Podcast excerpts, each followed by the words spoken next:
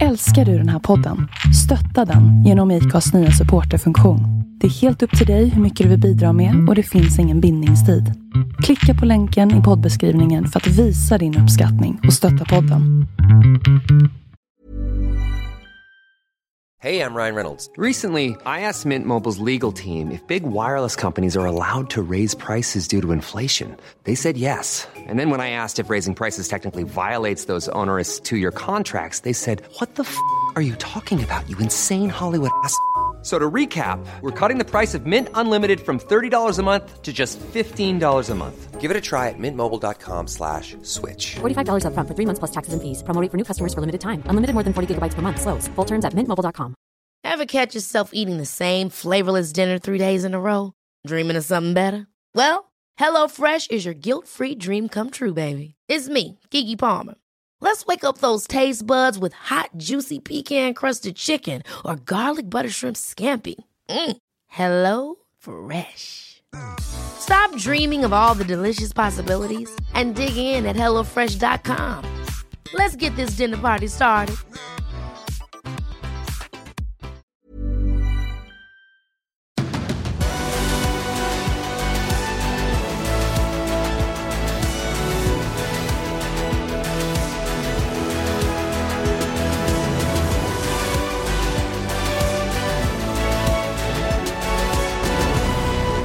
Välkommen till MotoGP-podden. Vi är tillbaka denna vecka inför eh, de tre avslutande racen 2019. Andreas Mårtensson, hur är känslan just eh, nu inför säsongsavslutningarna? Det är bra. Det är eh, mycket bra till och med. Och eh, vi måste nästan be om ursäkt här. Det blev inget avsnitt av MotoGP-podden förra veckan. För mig var det som luften gick ur. Jag hade...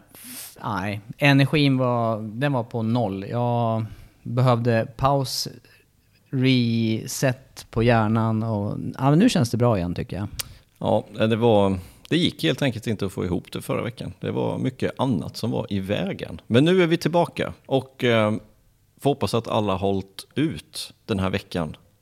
Blev ingen, blev ingen analys av eh, andra Aragon-racet och nej. Nej, nej det, blev, det kanske kommer nu lite grann istället. Och sen samtidigt vill vi tacka alla våra Patreon, alla som stöttar podden. Supertack. Ja, det känns roligt och kul att det är eh, ökad lyssning på de här, eh, de här programmen. Du, eh, Vet du hur mycket vi har ökat? nej, berätta. Mycket. Är det så? Ja. Det är nästan Du- 100 procent den här säsongen. Det är mycket. Det är bra. Det är en hög ökning. Det är en hög ökning. Du, vi, har faktiskt eh, Aragon att se tillbaka på och sen så se fram emot eh, Valencia och eh, titelfighten som är långt ifrån avgjord. Visst är det en, eh, en spännande säsong vi har? Jättespännande säsong. Eh, väldigt jämn säsong, kan man inte säga någonting annat. Och grejen är att det är helt öppet. Jag kan, inte, jag kan inte säga vem som är favorit och vem som inte är favorit. Jag kan ta plus och minus på allihopa. Men vad, vad blir summan? Ingen aning. Det är ju fem stycken som verkligen kan vinna det här mästerskapet. Och det är ju, det är ju kul när det är på det sättet. Jag tycker det är intressant också det här med året som går, pågår nu med, med dubbelracen här. Visst, de har inte alltid varit lika bra den andra racehelgen, men det har eh, varit ganska stora skillnader resultatmässigt där. Och vissa fabrikat, vissa förare har förbättrat sig oerhört till andra racet. Andra står stilla och då är de plötsligt ifrånåkta. Ja, exakt. Eh, nu har vi ju två Valencia att se fram emot. Eh, så nu i helgen blir det ju inget dubbelrace i den bemärkelsen. För nu blir det helt nytt race. Första helgen brukar ju alltid, tycker jag, vara lite roligare än andra helgen. Eh, men sen får vi se med väder och sådär och hur det kan vara. Men ska vi börja med Aragon? Ja, vi kör Aragon. Plus och minus som vanligt. Vi kör det. En snabbis här nu då. Ja. Eh, på plussidan, Morbidelli definitivt till andra racet. Håller du med mig där? Självklart, han vann ju racet och han gjorde det som, eh, som han gjorde i Misano. Ta starten gjorde han ju inte riktigt, för Nakagami var ju framför, gjorde bort sig redan eh, från start egentligen. Ja, det gjorde han. Eh, det kommer vi komma lite senare till. Men eh, Morbidelli sen tog över ledningen och sen höll han det. Han var inte hotad egentligen av Rins någon gång och eh, vann rättvist. Han gjorde det. Jag är grymt imponerad. Jag återkommer till det också under sändningarna med det här att han sitter egentligen på den Yamahan med eh, sämst spes. Eh, men då har ju... Det är frågan om vad som är sämst i det här då. Eh, för att Den går lite långsammare, det har den visat på rakerna. Men det kan ju vara andra delar i chassit som faktiskt funkar bättre. Fast det är en tidigare modell om man säger. Ja, det, det kan det vara. Eh, och precis som du säger, hans hoj gick långsamt. Det gjorde även din cykel i första Aragon-racet, gick också långsamt. Och det man kan förklara det med är att de har inte legat i någon slipstreaming egentligen någon gång, vilket gör att de har inte fått hjälp med toppfarten. Så där kan man förklara lite varför de två är långsammast, just så. Men eh, i vilket fall som helst, han ligger där nere i botten. Det gjorde ju alla radfyror. Alla fem stycken låg ju egentligen i botten på båda racehelgerna. Men han lyckas som sagt att göra en bra start den här gången, inte vara involverad i saker, ta över ledningen efter kurva 5 och då vet vi att Yamaha är supersvårstoppad när de väl är i den positionen. Sen har han ju en fördel till Morbidelli tycker jag, för att det är, en, det, det är speciellt att leda race och eh, han har ju vunnit mycket race i Moto 2 tidigare, också en VM-titel där. Det, det verkar som att han också håller ihop väldigt bra under press får man ju säga. Det får man verkligen säga att han gör. Ehm, ja men absolut. Han, han håller ihop det än så länge i alla fall. Nu får vi se när det börjar hetta till ordentligt. Ehm, vad, som, vad som kommer gälla där. Men jag tror, jag tror att hela hans team på något sätt är, ehm, de är lite lugna här nu. Han har ju Ramon Forcada som har jobbat med Lorenzo bland annat och tre titlar med honom. Sen jobbar han två säsonger med Vinales. Fick kicken nu hos Morbidelli. Jag tror att jag tror, det är lite jag underdog. Tror, eh, ja, jag tror Forcada är ganska sugen på att slå Vinales. Och lite revanschkänsla och sådana här saker. Och det ja. kan faktiskt spela in för Morbidelli också. För att han har ju samtidigt... Eh, han hade bra grejer förra året, var rankad bättre än Quartararo då. Eh, och sen då en, en tuff säsong och han har ju faktiskt kämpat sig tillbaka till det här. Och det är på något vis som att det är, ja. han vill bevisa att han är, han är värdig de bästa grejerna. Och minst lika bra som Quartararo. Ja. ja. Så, så de har egentligen allt att vinna egentligen. Just i Morbidelli. Han är så pass många poäng efter också. Hur långt är han efter nu? 25 eller vad är det? 25 ska det vara bakom ja. 25 poäng bakom. Så att möjligheterna finns ju. Men det är ändå inte... Quattararo ligger ju bättre till. Han är ju bara 14 poäng bakom. Så det är klart att han ligger lite, lite bättre till. Eh, och har kanske lite mer råspeed än Morbidelli har. Så att där har ju också Morbidelli allt att vinna egentligen. Ja samtidigt. Båda vassa på kval. Morbidelli nästintill lika vass som Quartararo under kvalen faktiskt. Faktiskt, ja. Nej, plus för Morbidelli, det, det måste vi vara eniga om. Och, och även det här och, och eh, förbättra sig från racehäll till racehäll. Nu har inte jag racetiderna i huvudet, men jag vet att han var snabbare totalt sett under andra racet. Ja, det gick ju snabbare andra racet än första racet, så att, eh, det var han definitivt. Ja. Eh, du nämnde ju Quartararo som Eh, Eh, såklart motståndare till Morbidelli, eh, samtidigt teamkamrat, också titelutmanare. Jag skulle ändå vilja placera honom sen på minussidan, minussidan. kanske tillsammans med Vinales efter förra helgen. Man ser ju hur viktigt det är att eh, komma iväg ifrån starten och få liksom de här fria varven.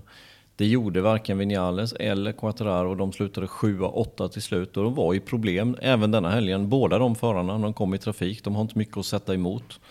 Um, och det får ändå bli ett litet underbetyg till båda de förarna i och med att Quattararos teamkompis går vinner på en sämre spes.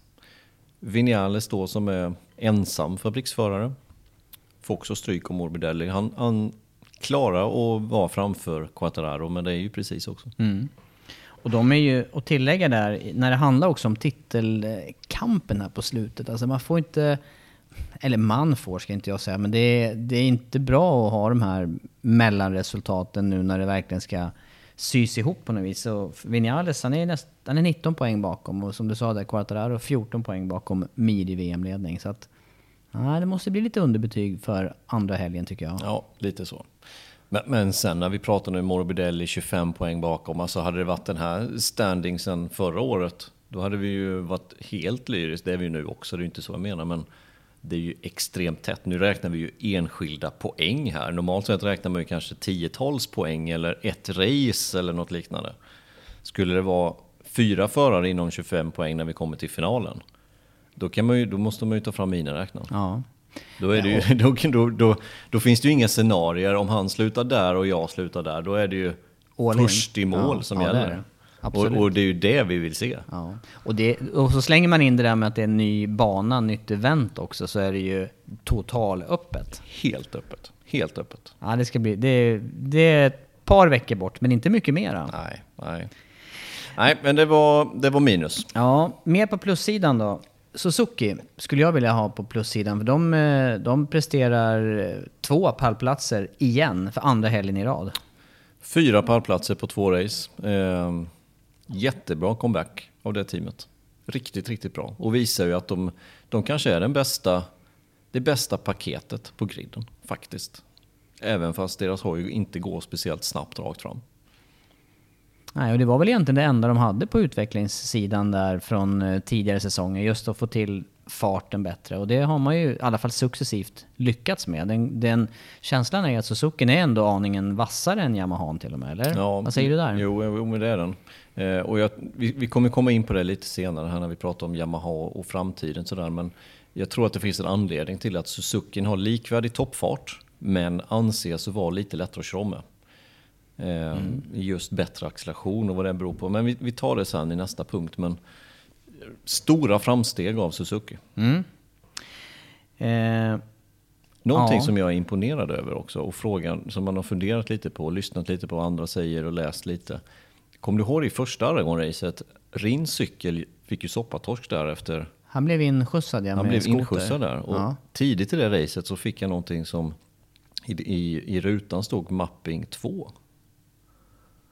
Minns inte det, men ja. Jag minns, vi pratade lite om det där att mapping 2, vad är det för någonting? Är det Ja. som mapping 8 nu fast för Ducati? Eller Ja, det ja, just gäller? det. Ihop med titelfighten. Frågan är om de inte gjorde någon chansning där med Rins, liksom att villa upp honom, vill vinna. Han vann ju det racet också, Mm. nu går vi tillbaka alltså två race här, och gav honom lite mer bränsle.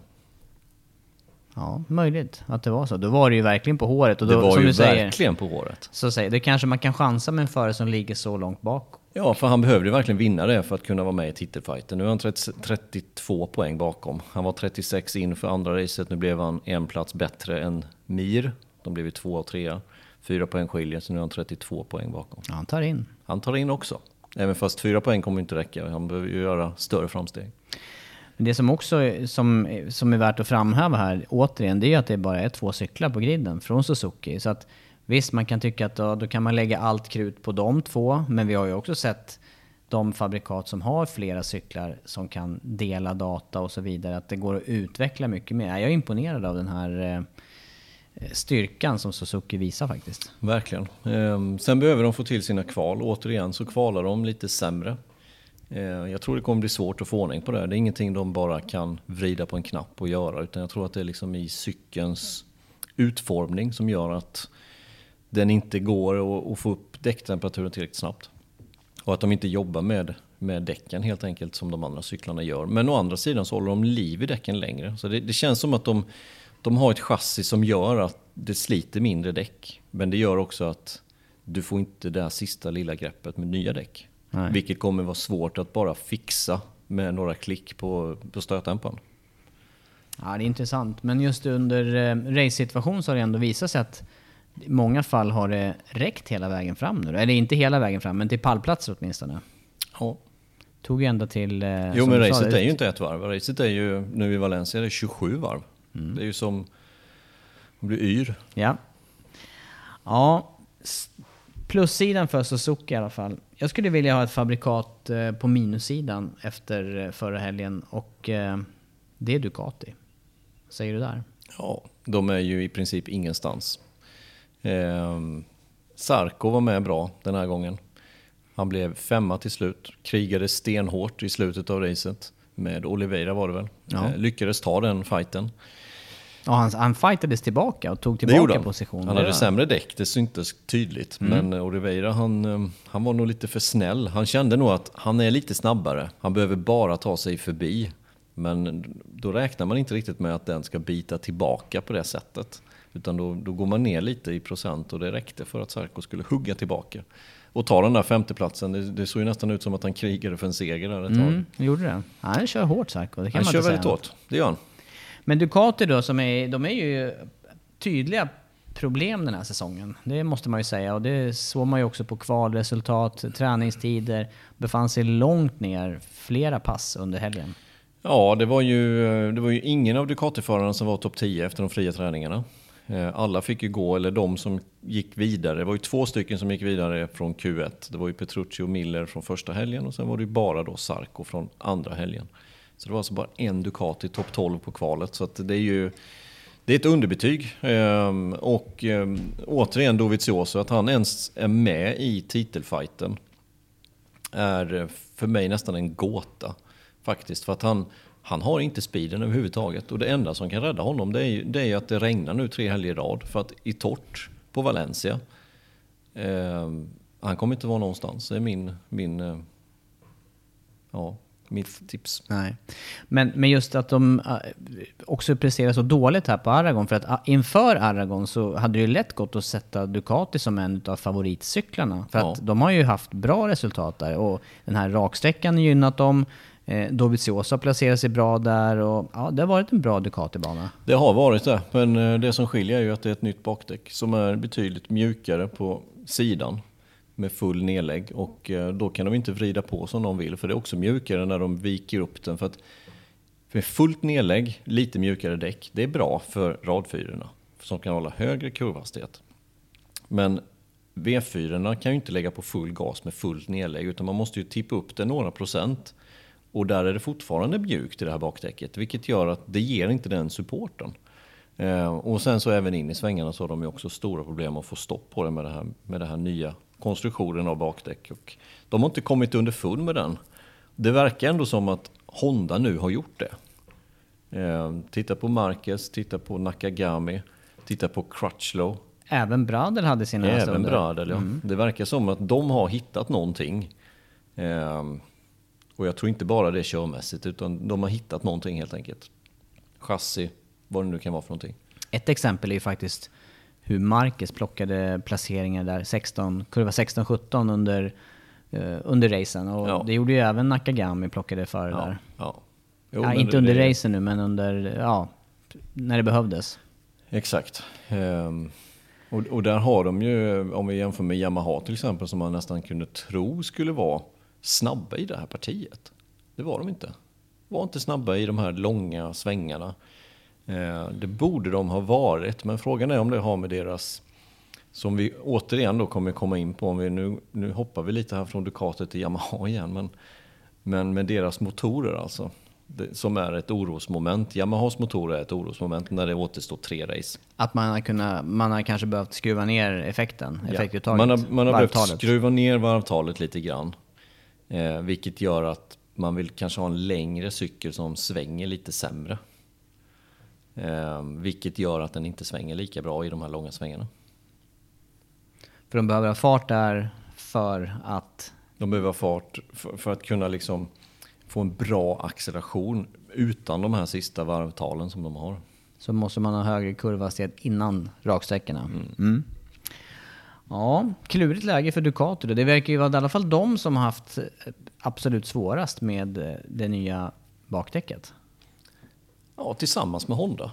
Ja. Skulle jag påstå. Ja. Men Honda verkar ha hittat något. Som inte Ducati har hittat.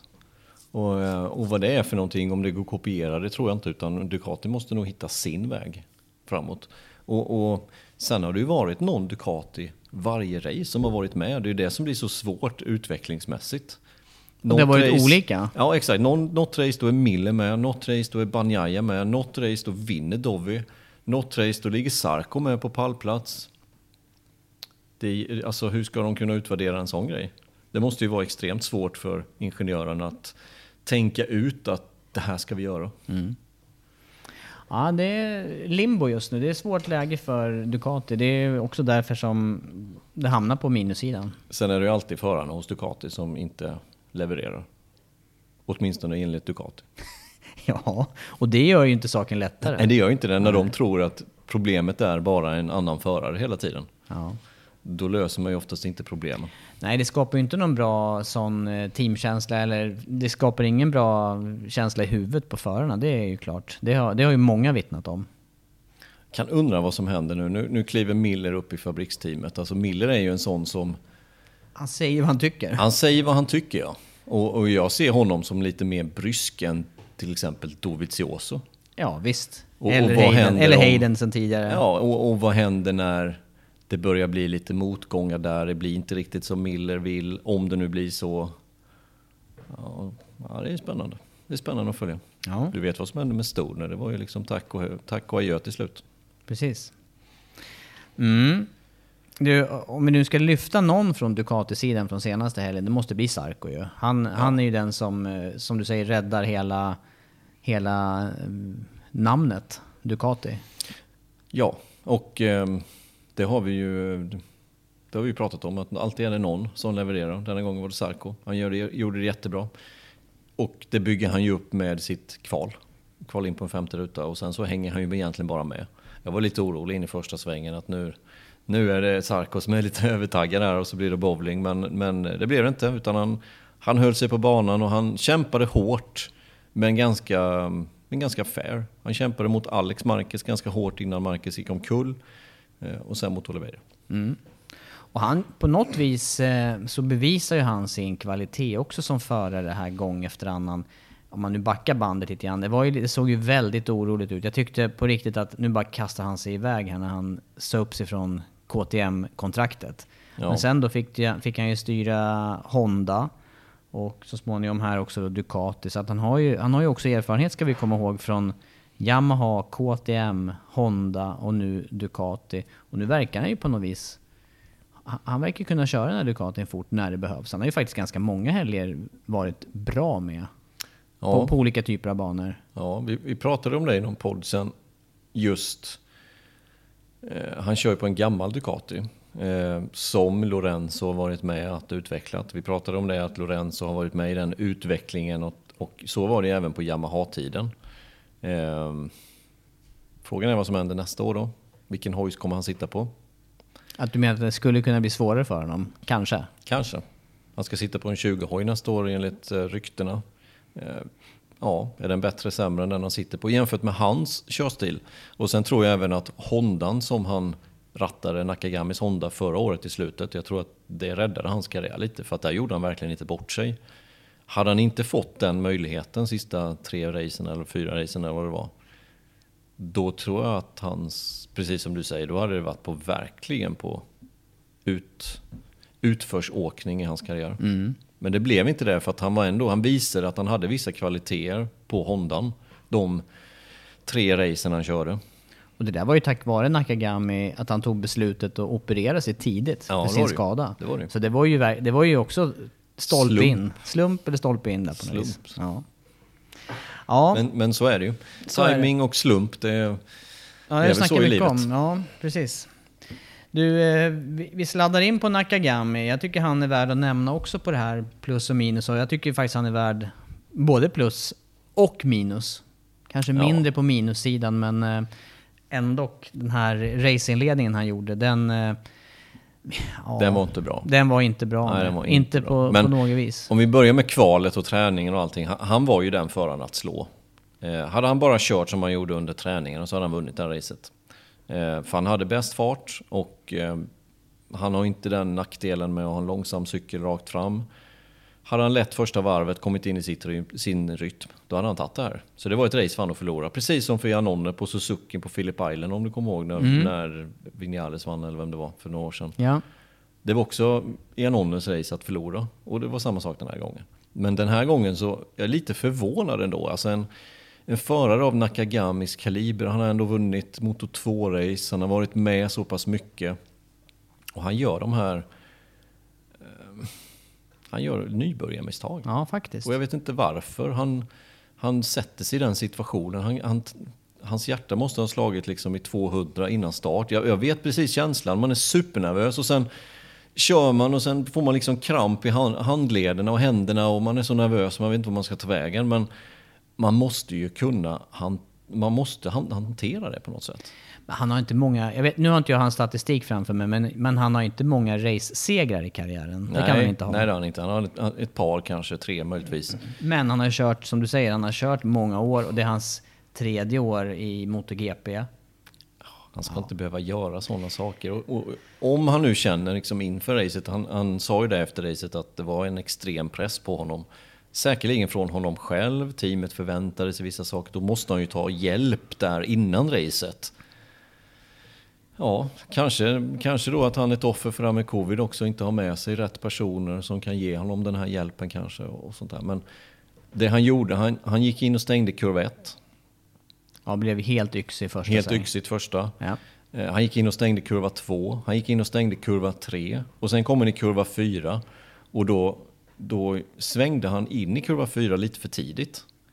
Eh, Och det får man absolut inte göra i den svängen. För att tar du med dig samma fart då, då kommer du för långt ut sen in i kurva 5.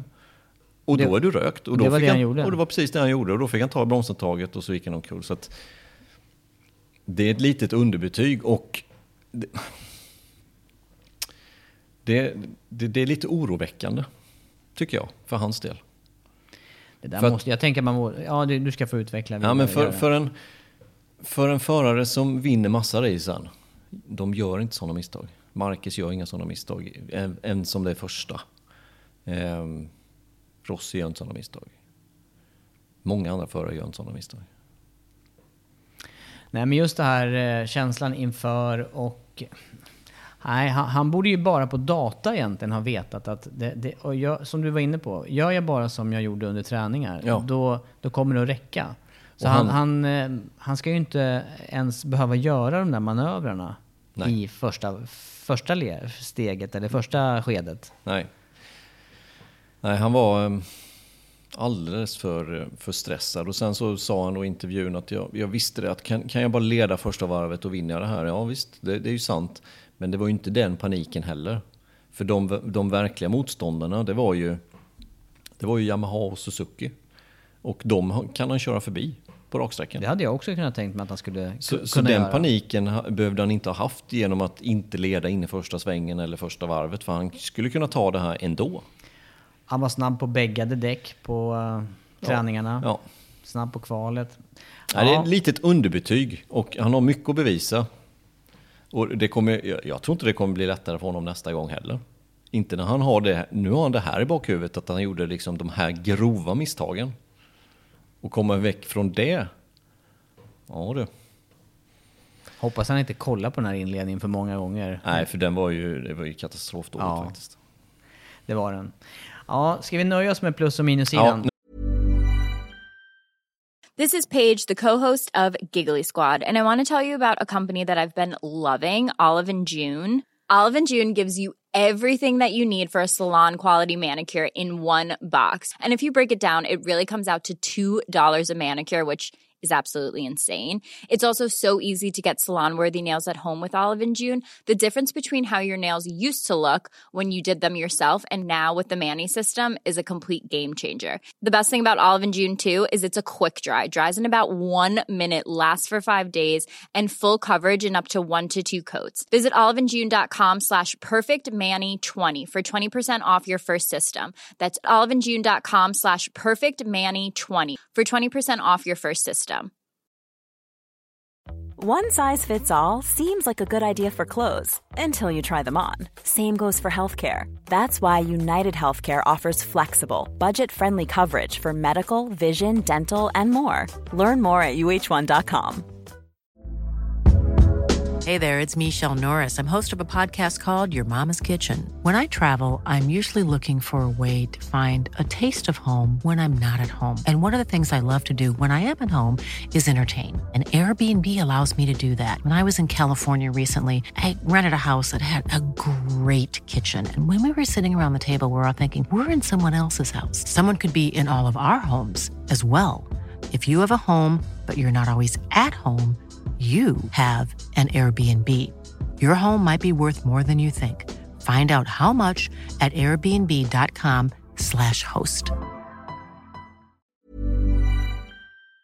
Nu ser vi framåt. Vi måste kolla på titelfighten tycker jag. Det blir nästa stora punkt i den här eh, podden. Och eh, som vi har varit inne på här under eh, inledningen så återstår det 75 poäng att köra om det är tre race. Två i Valencia, ett i eh, Portugal på Portimao.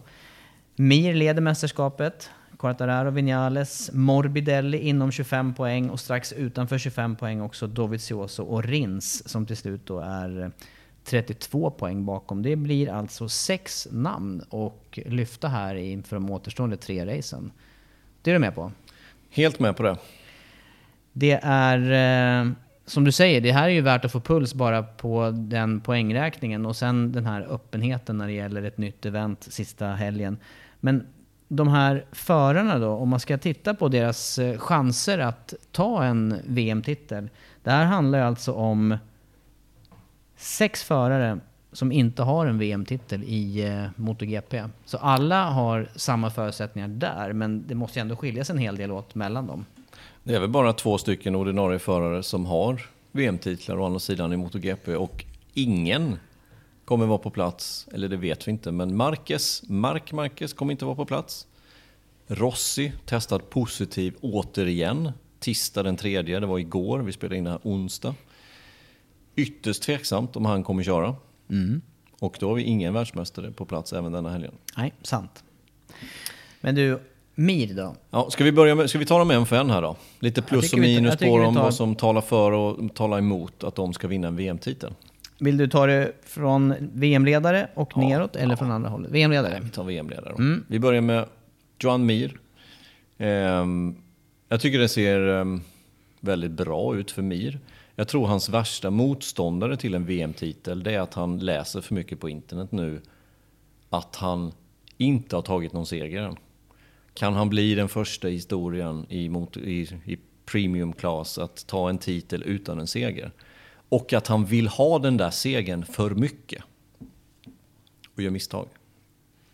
Gör han precis som han har gjort senaste racehelgerna.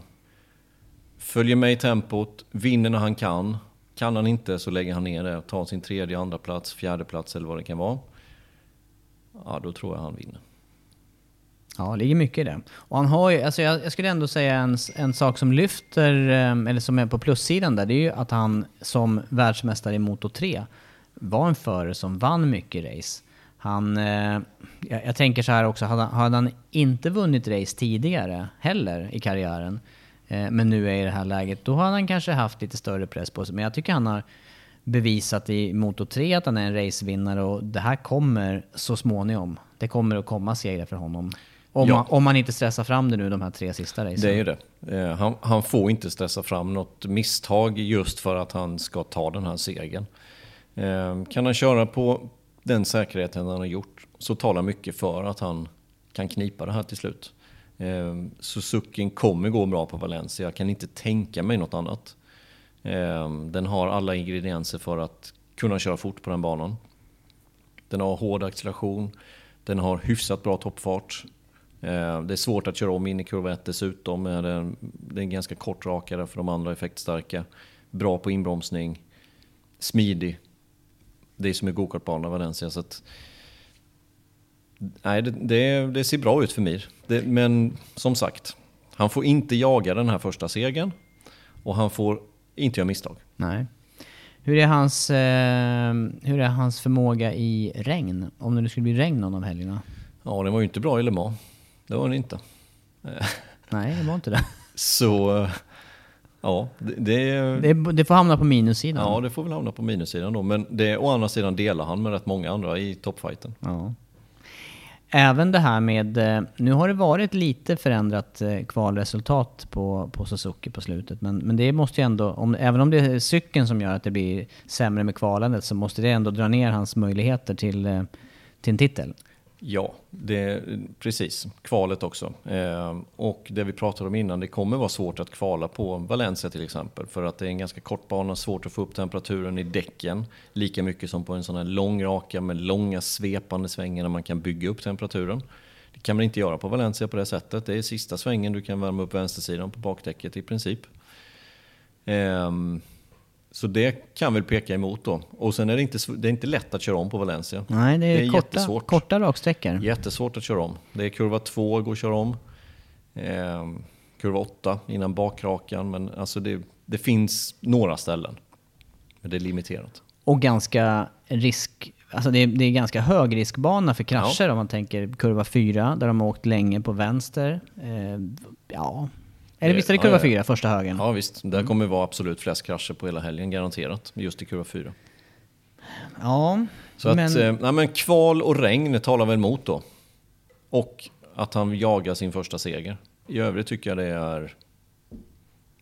Han har, också, han har också 14 poängs övertag på tvåan i, i mästerskapet. Ja, det har han. Ja. Fabio Quartararo då tycker jag vi kan koppla över till.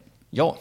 Eh, fransmannen som eh, inledde säsongen eh, med eh, dubbelseger på Jerez och sen haft en hel del svajiga resultat och fortsatte i och för sig då att ta eh, seger i Barcelona sen. Det tog ett tag på säsongen men ja, det har ju varit blandade resultat högst för fransmannen. Det kan man ju konstatera. Ja, senaste tiden har det det. Ehm, jag tror det var bra att det blir en vecka uppehåll för hans del.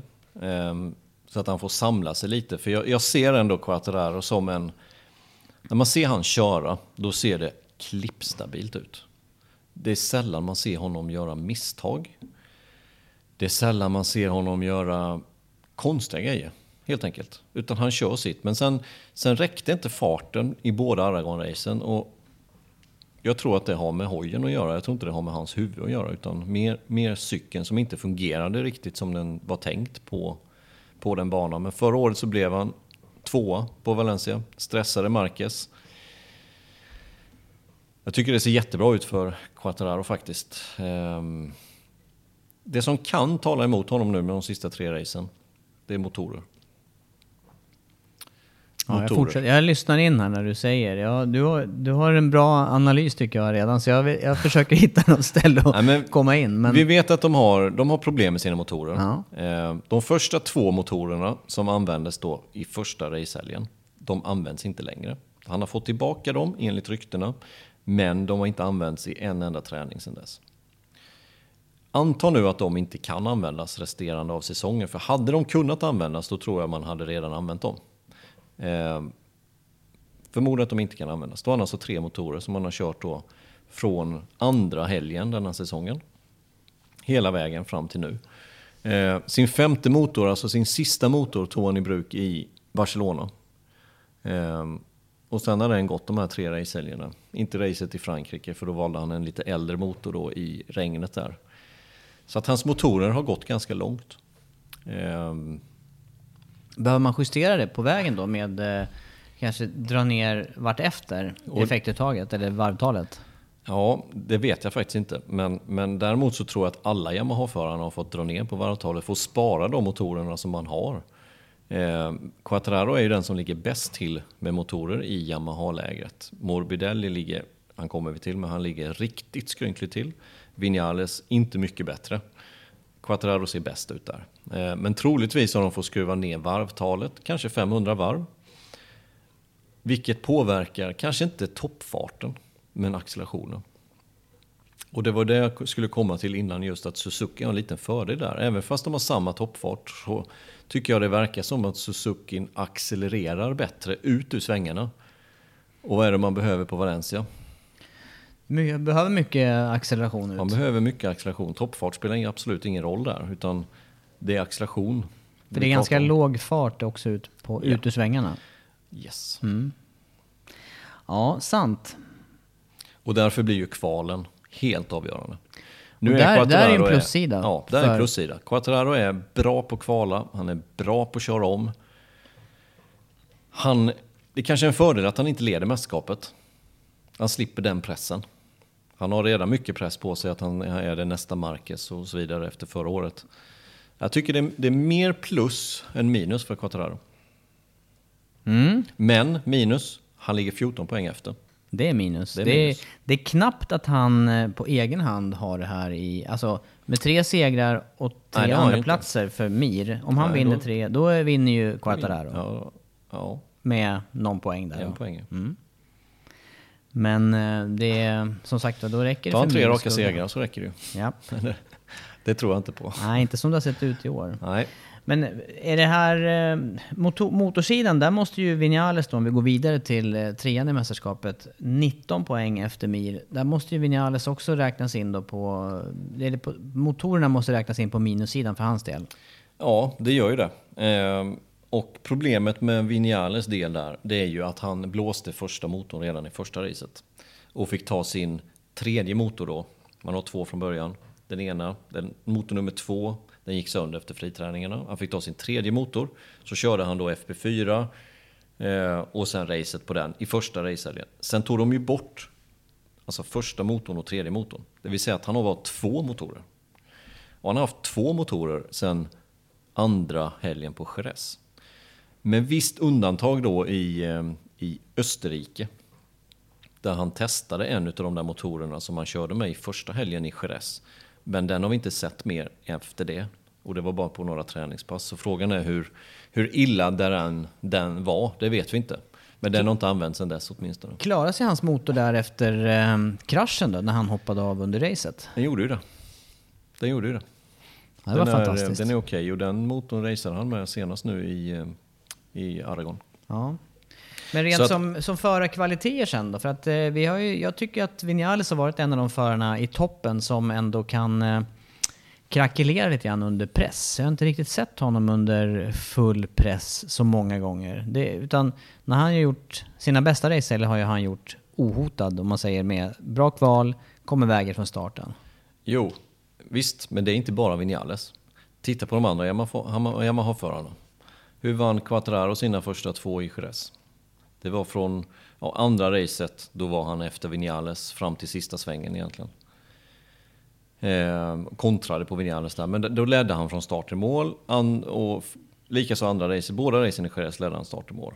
Eh, sin tredje seger tog han i eh, Barcelona.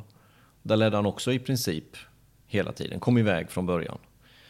Morbidellis två segrar, var har de kommit ifrån? Också start till mål. Misano här nu senast, start till mål. Och Vinales enda seger.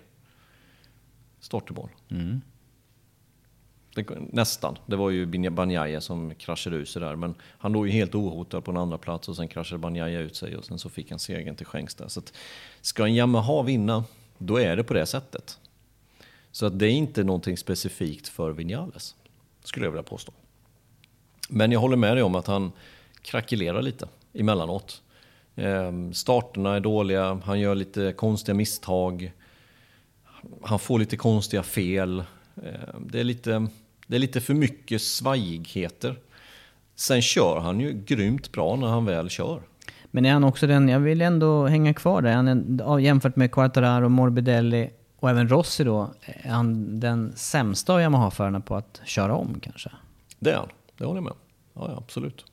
Där är, det är en minussida när Men det... det behöver man inte göra om man tar starten. Nej, det är sant. Om man vinner som Yamaha-förarna brukar göra så behöver man inte köra om. Nej, men, Men han, det det är krävs där, mycket. Nej, men han har, han har ju däremot, det, det är ju det som händer annars. Han blir liksom, han faller tillbaka och Ja. så fortsätter han att falla istället. Ja. Det, är- det är ju ett riktigt... Ja. Vi får gå vidare med Morbidelli tycker jag. Eller? Ja, nej, men eh, som sagt, Eller vill du Negativt på? Vinales det är Mm. att han svajar upp och ner. Eh, negativt är också att eh, han, han, han ligger väldigt risigt till med motorerna. Frågan är hur, hur, långt man kan köra på de här motorerna. De har ju gått liksom mer än vad de brukar göra. Det här blir endurance-tester för MotoGP det. i år. Och frågan är vad som händer. Säg att en till motor ryker. Då har han en motor kvar. Vad gör han då? Det undrar jag. Ska han köra igenom då två racehelger med en motor? Eller ska han ta så att han har en till cykel som man kanske inte ens behöver egentligen? Om det inte blir flag to flag eller vad det nu kan vara för någonting. I reglementet, vad jag vet, så står det inte att du måste ha två hojar. Eller Eller? med att han sparar sig, liksom att han bara har en cykel som Jo, rullar. men om, om du får välja att ha två cyklar på träningen och varva runt fram och tillbaka och en regnhoj och så får du starta från pitlane eller bara ha en hoj. Då måste ju valet vara ganska enkelt. Ja, då vill man ju en hoj där. Då väljer man ju en hoj. Ja. Men det, det kanske är så att de bedömer att nej, men det, vi kommer inte klara det på en motor så mycket som det är kvar ändå och ja, ta den här extra motorn ändå. Men som sagt, start från pitlane, då, då kan vi ju räkna bort Vinales från mästerskapet. Ja. Det kommer ju inte gå. 19 poäng alltså efter eh, VM-ledande Mir i alla fall. Då är det 25 poäng till Morbidelli, nästa före, som kommit starkt här i slutet på säsongen. Ja, och han, han ligger kanske ännu sämre till med motorn om man nu kan göra det. eh, åtminstone så ligger han ju lika illa som Vinales. Eh, hans status är ju att de två motorerna de körde med på första helgen, de är borta. De har de som sagt förvarat någonstans. Kanske kommer tillbaka, vi har inte sett dem än. Så tog han två nya motorer till Jerez 2. Varav den ena motorn där pajade han ju under racet när han låg på en klar andra plats. Eh, och då fick han ta sin tredje motor redan då, eller sin femte motor blir det ju då. Så de två motorerna har ju gått sedan dess. Eh, så att han ligger ju ja, lika illa till egentligen som, som Vinales. Eh, ser också tufft ut att få de motorerna att hålla tre race till. Och det blir på stort, det blir stor eh, minus, stort på minussidan. Ja, för det, det, det, krävs ju bara något, någonting som pajar med de här motorerna så, så är det ju samma läge som Vinales där. Att då får man ju välja. En hoj eller ta en extra motor, start från pitlane, borta från mästerskapet. Mm. Förarkvalitet då? Det är, han är bra på kval, visat att han kan vinna race, vunnit två race i år. Eh, där ser det ju bra ut. Det ser jättebra ut. Eh, det är samma sak där. Kan han, kan han göra ett bra kval, komma iväg, precis som de andra MA-förarna, ja, då kan han också absolut få med och vinna. Det låter ju som att det är ganska men, öppet men, dem emellan egentligen. Ja, men han, har ju, han är 25 poäng bakom. Vi ska komma ihåg att det är ju det är 75 poäng att köra om. Det ska till lite flyt om Morbidelli ska klara det. Eh, sen har han ju fyra för, eller tre förare framför sig dessutom. Det är inte bara en förare utan det är tre till. Så att, ja, lite högre odds på Morbidelli då, men förarmässigt, ja, absolut. Mm. Dovi då, då är vi plötsligt utanför 25-poängsgränsen. Eh, 28 poäng upp till eh, VM-ledande Mir. Och du har ju redan varit inne på det här egentligen. Du har ju ja. konstaterat att cykeln räcker inte till för Doviziosos del. Eh, han, får, han, får hoppas på, han får hoppas på regn kanske. Ja, eh, och vi, jag tycker vi konstaterade nästan efter Le Mans att det här går inte för Dovi. Han har inte farten. Han hade inte ens farten i regn då, eh, vilket är väldigt konstigt. Eh, när det dessutom var en Ducati som vann med Petrucci. Eh, nej, Dovi får hoppas på andra omständigheter. Och det måste vara någon typ av eh, före på banan som gör att han ska kunna lyckas. Och det är, det är regnrace. Jag kan inte se någon annan möjlighet för Dovizioso att vinna, för jag tror inte att han har farten i, eller han har inte farten i tott. Nej. Och Valencia vet vi är en svår bana för Ducati. Svänger mycket eh, och jag tror inte det kommer bli lättare med årets eh, bakdäck. Och då är ju egentligen hans sista möjlighet att bli världsmästare i MotoGP, det är ju i år. Eh, sannolikt så blir hans fortsatta karriär, nu lutar det mer åt eh, testförarverksamhet, kanske för Yamaha till och med. Ja, till och med Yamaha. Det är det senaste rykten i alla fall. Och då har han gått, eh, inte varvet runt, men nästan. Då är han tillbaka liksom där han... Han tillbaka när han nästan började. Ja. Ja, började väl på Scott Honda en gång i tiden. Han gjorde tillbaka det. hos Tektron nu. Ja. Ja, det blir Yamaha. Men vi får väl se vart, vart det bär över. Men nej, alltså jag undrar verkligen Dovizioso framgång. För han, han, men han är en karaktär på något sätt. Han har varit eh, tvåa tre år i rad. Men i år räcker inte cykeln till. Förarmässigt redan ute. Mm. Men det här nya bakdäcket har ställt till det för, för Ducke. Ja, och då återstår en sjätte förare här nu då, som har kommit extremt starkt. Vi räknade upp Rins här nu då, seger och en andra plats från, från Aragon och han är verkligen plockat in på toppen här i slutet. Ja, det har han verkligen gjort. Ehm, ja. hade han varit några poäng högre upp, då hade han varit superfarlig, Rins. Ehm, nu är han 32 poäng bakom honom och ja. det är lite mycket. Det är lite mycket. Är det. Eh, man måste göra tre perfekta helger och Rins har en förmåga att blanda och ge lite. Krascha lite för ofta. Göra lite konstiga misstag. Den här kraschen på Le Mans var ju superonödig i det läget. När han kom och hade kört upp sig ja. ordentligt? Och, ja. ja. Um, så att han har en förmåga på något sätt att göra de här misstagen, men fartmässigt han sitter på Suzuki och vi vet med däckslitaget. Det är återigen precis som Mir, det är kvalen som kan sätta käppar i hjulen. Däremot så tror han alltså att han har ett bättre psykologiskt läge än vad Mir har. Mir har någonting att förlora. Rins har bara allt att vinna. Och kommer tillbaka från skada också under ja, säsongen. Här, han har bara allt att vinna helt ja. enkelt. Han kan chansa hej vilt. Han har inte så mycket press på sig. Och här är heller inga problem med motorer, varken för Rins eller för nej, Mir. Nej, där är inga problem överhuvudtaget. Nej.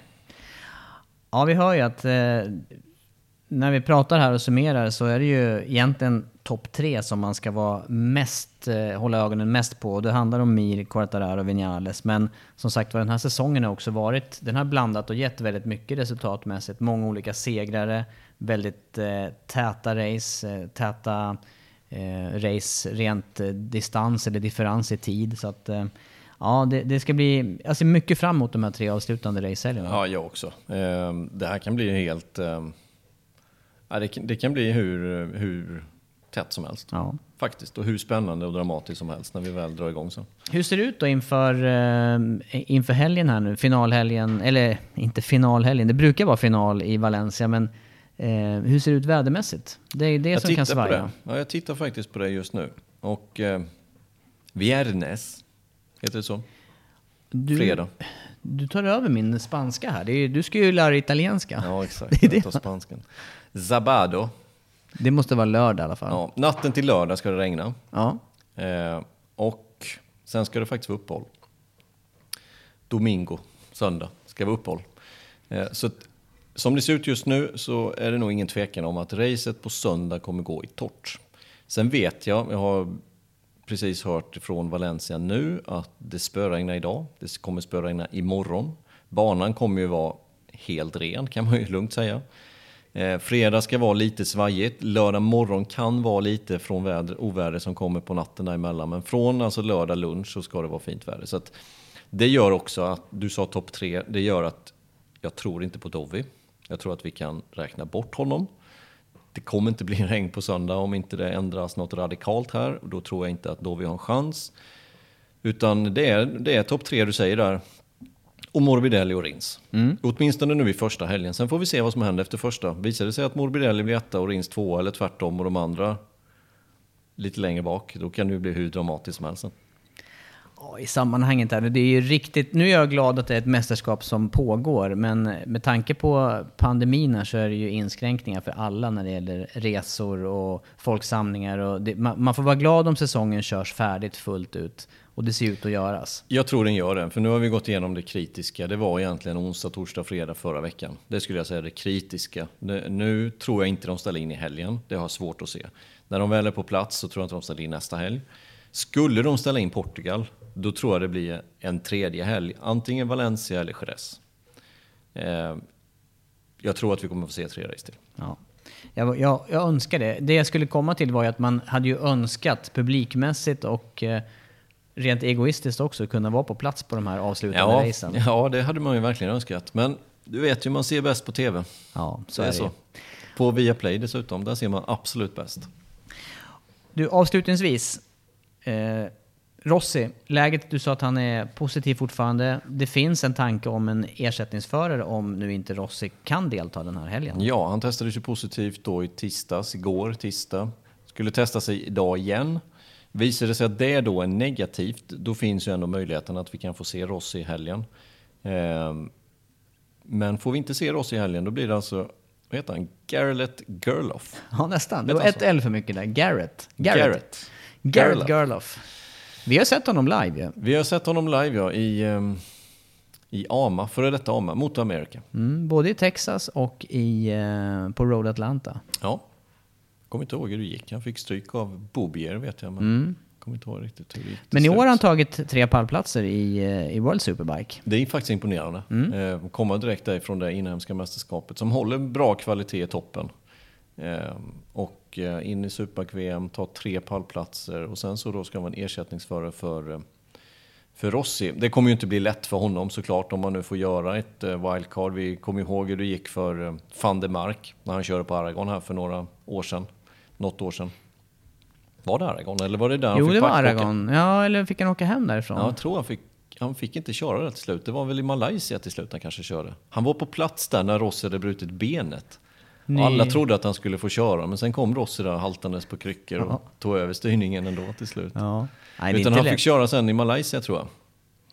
Ja, jag, jag minns inte hur det blev sen till slut. Han Jag körde tror- ju något race i alla Ja, fall. ja, ja, precis. Och då tror jag att han fick köra på en eh, Tektra-cykel. Ja. Ja, det måste vara ju så. det, men istället för Folge var det väl kanske? Mm, kan det ha varit. Kan det ha varit. Minnet Men, eh, men, ja, men det, de här wildcarden är ju inte lätta av... Nej, nej. Nej, det kommer inte bli lätt för, eh, för eh, Gerloff. Garrett. Heter han Ja, så? ja, Garrett. Gerloff. Ja. Nej, det, det kommer ju inte bli lätt. Han kommer ju göra någonstans där van der Mark gjorde på den tiden. Eh, får vara glad om man slår någon, om man slår rabatt kanske. Ja, Typ. kanske. Ja. Ja, Så det kommer inte ut. bli superlätt. Men kul ändå att han får chansen och att, eh, att de tar in någon här nu. Eh, Men de tar inte in Lorenzo. Nej. Har han för lite åk, åkträning den här säsongen tror du? Ja, jag tror det. Delvis, alltså han har inte fått möjligheten och sen har han nog inte tagit möjligheten. Eh, Och sen har han nog ägnat sig åt sånt han ville göra efter karriären. Det känns så. Och det handlar nog inte så mycket om att vara snabbare på banan eller inte. Nej, mer att synas. Ja, mer att ha I lite andra kul. sammanhang. Ja, lite roligt och köra lite Lambo och lite så. Ja. Så ehm, nej, det verkar nästan som att får han inte köra nu i helgen Lorenzo, fasen vet om han blir kvar då hos Yamaha som testförare. Det, det ryktas ju om att han kommer få kicken och det är nästan det, är nästan det här bekräftar det. Jag ska inte säga 100% för jag kan ändå förstå att de tar in en förare som har kört klart sin säsong på Yamaha, har farten uppe jämfört med Lorenzo som har kört två test och varit långt, långt, långt efter. Så kan jag ändå förstå det. Eh, men ja, jag tror hans dagar är räknade som testförare hos Yamaha. ja, det känns så på hans egen inställning också. Det, ja, nej, det blev inte som, Nej. eh, som tänkt. Men det var nog mycket covid där också som satte stopp. Jag tror också det faktiskt. Ja, annars hade han nog kunnat... Kommer man in i det och man känner sig delaktig, ja men då tar man det på lite mer allvar tror jag. För han var ju snabb i Malaysia där. Ja, ja, ja. Men sen var han inte snabb i Portimao. Nej. Du, avslutningsvis. Ja. En eh, pall. Är det, Oj. är det värt den så... Alltså, Det är ju du som gillar att tippa. Ja, jag tippar ju fel varenda gång. Nej, alltså det här är, det, det är så svårt att tippa, men jag tror faktiskt att Honda kan vara starka i helgen. De är helt offside mästerskapsmässigt nu med Nakagamis krasch. Med en seger hade han också varit med i diskussionen. Men jag tror faktiskt att Honda kan vara, jag tror att de kan vara tuffa faktiskt. Både Marquez och Nakagami. Hamnar de på pallen? Båda? Ja, Nakagami blir trea blir han. Eh, Jag tror att Rins vinner och jag tror att Morbidelli blir två. Rins, Morbidelli mm, och Nakagami. Ja, det där är, det är en bra pall. Slå Jag den tänkte in. här... Då är det höga odds. Slå den om du... jag vet inte om jag kan slå det här. Jag tänkte att, eh, jag tänkte att eh, det här med lite lägre temperaturer, eh, mm, kanske första torrt här på söndag. Ja, jag sätter ändå de här, eh, jag sätter Quartararo och Morbidelli 1 och 2 Och sen eh, Rins 3 Ja, det, det är Quattararo. Jag, jag tror också Quattararo kommer bli, jag vet inte varför inte jag tog med honom här, för att han, han kommer bli tuff faktiskt. Han borde kunna prestera riktigt, riktigt bra här. Och vi har ju väntat på första etta, tvåa för Petronas. Vi har inte sett den. Vi har bara sett det kvar några gånger, men vi har inte sett det i racen. Kan Kanske komma nu. Ja. Du, nu är det läge för nästa moment. V-sport Motor helgen, är det som gäller? Följ det från fredag till söndag. Första av tre helger som vi får nu inleda den här säsongsavslutningen med. Tack för idag. Tack.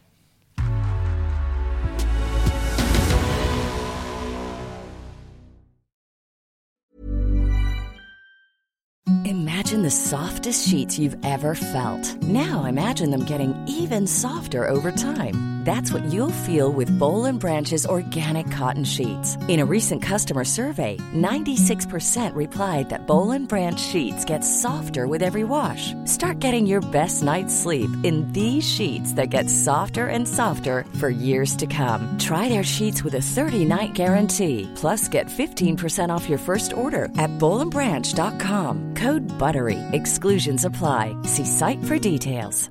Ever catch yourself eating the same flavorless dinner three days in a row?